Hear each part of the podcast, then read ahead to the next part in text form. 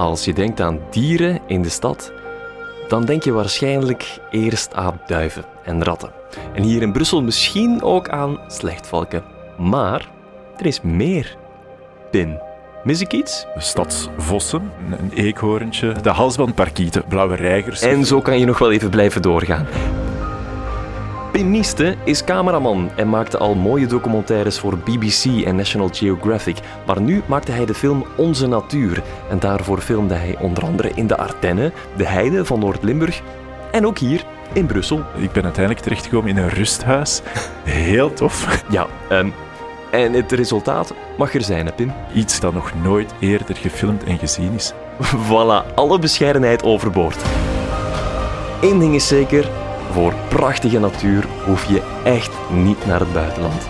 Die vind je ook gewoon hier om de hoek. Absoluut, absoluut. En dat is inderdaad eh, de hoofdreden waarom ik mij zo geëngageerd heb achter dit project. Ik ben het heel gewoon om naar verre exotische bestemmingen te gaan en daar de natuur heel mooi in beeld te brengen. Uh, maar heel lang op mijn lijstje stond wel het verlangen, uh, toch ergens het, het idee van wij moeten ook dichter bij huis dit soort natuurdocumentaires maken. En dat is net wat uh, we met Hotel Hungaria en onze natuur verwezenlijkt hebben. We hebben bewezen, maar ja, het hoefde niet te be bewezen te worden. Het is er gewoon dat de natuur vlak bij ons echt ook de moeite waard is. En al die verhalen die zich afspelen, ook hier in het Brusselse, in de stad, ja, dat echt superboeiend kan zijn. Laat ons het hebben over wat hier in Brussel hebt kunnen filmen, hebt kunnen vastleggen. Welke diertjes heb je hier voor de camera gehad, uh, Pim? Ja, we hebben inderdaad... Bij de, we hebben ook gefilmd voor een reeks die er nog aankomt ja, op uh, Canvas. Canvas ja. uh, begin volgend jaar, 2023. Daar kijk ik enorm naar uit. Grote ja, daar, daar hebben we nog meer ruimte en meer verhalen die daar uitgesponnen kunnen worden dan hier in de film in 90 minuten moeten gepropt worden natuurlijk. Um, maar voor de reeks hebben we één bepaalde aflevering die zich eerder toespitst op de dieren in de stad. Dus dat deed natuurlijk de deuren open voor om hier in Brussel en in Antwerpen en in andere steden rondom uh, ook die verhalen van de natuur te vertellen en van de dieren en de planten die hier leven. Uh, en zeker in Brussel hebben wij behoorlijk wat tijd doorgebracht. Ik denk aan uh, stadsvossen. Ja. Um, hier in Brussel wel stilaan echt uh, ja, een, een, beeld in de straat die veel mensen wel herkennen. Um, dus daar hebben we een, een, een, verhaal van hoe vossen zich wat aanpassen aan, aan de stad. Hoe de stad eigenlijk een plek is geworden waar ze heel erg kunnen profiteren van het voedselaanbod kan je inbeelden met al de mensen die hier leven, ja, alle restjes. een vos is een alleseter, dus die hoeft hier niet echt op jacht, tenzij naar ja, vuilzakken en uh, alle... En die staan er. En die staan er. Met de hopen om de natuurlijk. zoveel tijd wel, dus daar kunnen ze zelfs bijna hun klok op, uh, op Was het moeilijk om een vos te vinden? Nee, dat is niet zo moeilijk. Nee. Okay. Als je weet een beetje op welke plekken dat ze zich ophouden en waar ze uh, ja, met meerdere zijn is dat, uh, is dat redelijk eenvoudig. En ook bij de VRT bijvoorbeeld, daar is het uh, ook heel bekend, de, de vossen die daar in het, het park, aangrenzend park, zich ophouden, ja, die, die zijn niet zo moeilijk te vinden. Nee, ik, ik kom er af en toe eentje tegen op de campus van de VUB. Dat is een Ja. volledig andere kant Ja. van Brussel, maar daar zitten ze dus, Ja, dus ja, ook. overal. En ik vind dat zelf ook zo leuk. Hè. Ik, ik, ik kijk er altijd naar uit om zo oog in oog te staan op een onverwacht moment in zo'n plek waar je toch oorspronkelijk denkt van niet onmiddellijk zo'n een redelijk groot zoogdier te kunnen zien. Ja, mijn hart gaat er nog altijd sneller van slaan. We hebben ook kleinere zoogdieren gefilmd, zoals een, een eekhoorntje die uh, in een, een, park... Ja, soms heeft de natuur niet zo heel veel nodig. Hè, en dat is net wat de stad bewijst. Enerzijds naar... Ja, de hele stad kan een leefgebied zijn, maar een, een, een middelgroot of eerder klein park kan genoeg zijn voor echt een biodiversiteit die, die echt de moeite waard is, zoals eekhoorns. Ik heb ook uh, blauwe reigers gefilmd. Uh, ja, elk dier. Wel, welk dier, welk Brussels dier heeft jou het meest verbaasd, Pim? Uh, Oeh, goede vraag. Ik was um, in Koekelberg op zoek naar de exoten, de, de halsbandparkieten. Ja. Ook omdat dat een beetje het verhaal was uh, dat erbij moest van uh, de, de, dieren die hier oorspronkelijk niet thuis hoorden en hier toch een plekje gevonden hebben in onze natuur. Uh, en er dan nu ook integraal deel van uitmaken. Ehm, en die halsbandparkieten, ja, ik, ik, vond dat toch wel indrukwekkend. Wat ben je erover te weten gekomen, over die halsbandparkieten? Want je, uh, je, moet ze dan ook een beetje bestuderen als je ze filmt, natuurlijk. Ja, ja ik ben uh, in Koekelberg daar terechtgekomen, gewoon in dat park. En ik, ik herinner me nog, ik ben te weten gekomen op welke plek ik exact moest zijn om de meeste aantallen tegen te komen. Ik, ik was in, in het begin wel zoekende van welke plek precies en welke boom precies. Want eigenlijk komen die allemaal tegen de avond samen om de nacht door te brengen op één redelijk welbepaalde plek. En ik, uh, ik, herinner me nog de eerste keer dat ik rondliep in Koekelberg al ruim op tijd, want ik wil me goed voorbereiden. Mm -hmm. Ik ben nog gaan aanbellen bij mensen om ja, je wil graag die parkiet op ooghoogte kunnen filmen. Dus moet je op ergens de hoogte in een appartementsgebouw. Uh, ik ben uiteindelijk terechtgekomen in een rusthuis. Heel tof.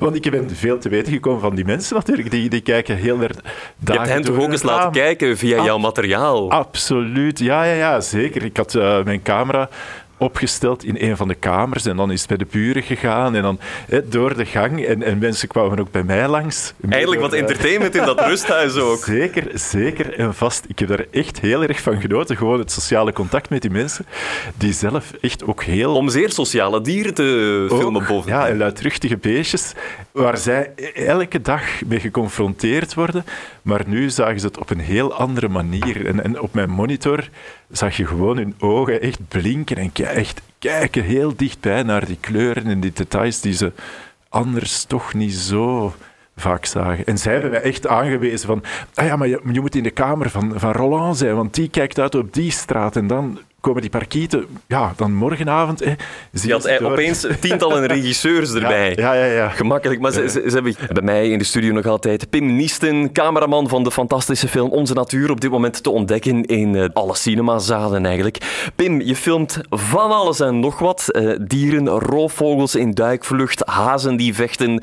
de piepkleine lentevuurspin in mijn hometown Lommel in, uh, in Limburg, vossen die door de stad zwerven. En je doet dat dan ook nog eens in, in, in slow motion.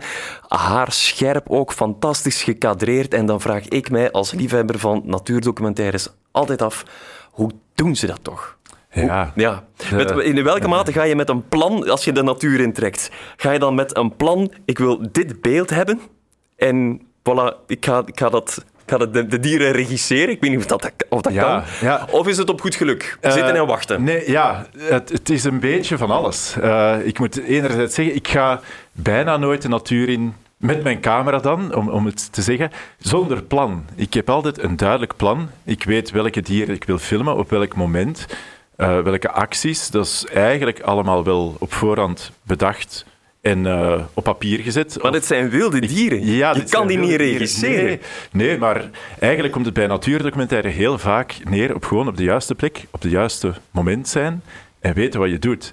En een mix daarvan kan je wel voorbereiden. Je kan weten van, oké, okay, als ik dit dier wil filmen en ik wil die actie, ik wil bijvoorbeeld de hazen filmen, en ik zou graag dat boksen en, en die interacties tussen die mannetjes en die vrouwtjes en heel dat verhaal filmen. Het is niet één beeld dat ik in mijn gedachten heb, maar een hele scène. Ja, dan moet ik op het juiste moment en op de juiste plek zijn. We hebben toen gekozen om het in Bergen, in Mons, te filmen. Gewoon omwille van het feit... Dus het moment is dan al gekozen van oké, op dat moment doen die hazen die actie. Dan de plek, ja, hadden we Bergen gekozen gewoon voor het contrast. Ik, ik was zo verliefd op die windturbines en het contrast met de velden daaronder. Zo het, het, ik had daar een Belgisch gevoel bij en een beetje abstract. En uh, ja, zo wat die clash van aanwezigheid van de mens en toch die natuur die haar eigen ding doet, mm -hmm. de schaduw van die molens eigenlijk. Um, en dan ga je daar naartoe en dan kan je natuurlijk niks regisseren, maar je kan wel kijken, en dat, dat vraagt natuurlijk ook tijd, um, kijken wat er gebeurt, hoe kan ik mij dag na dag meer in een betere positie zetten, hoe kan ik mijn verhaal bijsturen, wat heb ik al. Dus dat is een heel intensief en moeilijk proces om zo'n dingen te doen. Als het dan gaat naar wel regisseren, dan kijk je eerder naar heel kleine diertjes. Bijvoorbeeld de, de, de, de vuurspin bijvoorbeeld. Een jij kan een spin regisseren? Wel, niet helemaal, maar ik kan ze wel in... Ik heb ze in het wild gefilmd, maar je hebt een scène waarbij het mannetje afdaalt in het hol van een vrouwtje. Nu, zo'n vrouwtje zit een aantal centimeter diep in de zwarte aarde, in een heel klein tubetje eigenlijk, daar te wachten op prooien, op het mannetje dat ook weer op één bepaald moment zijn loopje doet en daar komt. Dus ik ben... Maar, maar hoe insceneer je dat dan? Dan gaat het naar studiowerk. Voor heel kleine dieren, om die heel mooi in beeld te kunnen brengen of dat verhaaltje te kunnen vervolledigen, kan je natuurlijk in samenspraak met specialisten en mensen die daar effectief kennis van zaken hebben. Maar dan graaf je die lentevuurspin uit, breng je die naar een studio, in een terrarium. Ja, dat is dan buiten. Ik heb daar een buitenstudio, zodat die spin nog altijd haar gewoon natuurlijke uh, temperatuur en, en de ritmes van de weersomstandigheden dag-nacht uh, nog altijd voelde.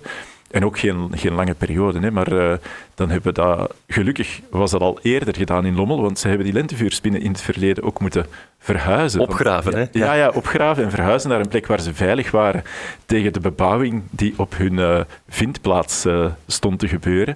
Dat hebben ze gelukkig met heel veel succes gedaan. Veel vrijwilligers en specialisten. Wij hebben eigenlijk dat principe even toegepast op één holletje met één vrouwtje. En uh, met het gekende resultaat, iets dat nog nooit eerder gefilmd en gezien is. Dus dat is een beetje. Maar er zijn geen spinnen gewond geraakt tijdens de opnames. Nee, nee. Het mannetje is ook heel veilig en wel terug uh, aan de oppervlakte gegaan en kon zijn tocht weer verder zetten. Ja. Ondertussen loopt onze natuur al even in de bioscopen. Wat zijn de reacties, Pim? Heel positief. Ik, uh, ik moet eerlijk zeggen, als ik, en dit is de eerste keer misschien dat ik zo'n natuurdocumentaire maak of waar ik bij betrokken ben, dat ik ook zo dicht bij mijn publiek sta. Want mijn publiek zit hier overal rondom mij. Dus die reacties komen onmiddellijk binnen. Anders als ik voor BBC of voor National Geographic dingen maak, ja, dat gaat naar een heel breed wereldwijd publiek die dan wel reactie geven, maar dan moet ik het al eerder gaan opzoeken. En ondertussen ben ik al lang bezig met een volgend project. Dus is dat ja. al iets van een ver verleden. Dit loopt nog altijd door en is heel actueel. En mensen blijven mij maar bestoken met uh, complimenten. En ja, ik, ik ben heel, heel erg blij dat dit zo'n succes heeft, net omwille van die boodschap van de natuur dicht bij ons. En het is duidelijk dat het haar doel wel bereikt. Wie nog niet gaan kijken is, gaan vooral zien. Hè, die mooie film Onze Natuur. In uh, januari komt er dan ook nog die reeks aan op Canvas. En je hebt nog televisieplannen, hè? want je had ooit een rubriek in Iedereen Beroemd. Ja, en die komt terug. Die komt nu vrijdag terug op antenne. Ons moeder gaat blij zijn, Pim. Ons moeder gaat blij zijn. Ja, een, een beetje onder een andere, in een andere vorm omdat mijn, mijn project natuurlijk, Onze Natuur, het draaien daarvoor was afgerond. Ja. Maar ze hadden doodgraag nog iets gelijk. Wat ga je doen? Ik ga het nog kleiner zoeken. Ik ga de natuur in mijn eigen tuin in beeld brengen. Dus vanuit de wereld naar België, nu naar mijn eigen tuin. Geen idee waar het ooit eindigt, maar uh, nu is het effectief in mijn eigen uh, kleine stadstuin, zal ik zeggen. Ik woon vlakbij Mechelen. Uh, daar op zoek gaan naar wat er leeft. En uh, ja, ik hoop dat je verbaasd gaat worden door je eigen tuin. Sowieso, altijd, elke dag. Goed, Onze Natuur, ga de film checken. Dankjewel, Pim Niesten, cameraman van de film, voor de mooie beelden en de leuke babbel. Dankjewel. Tot later. Dag.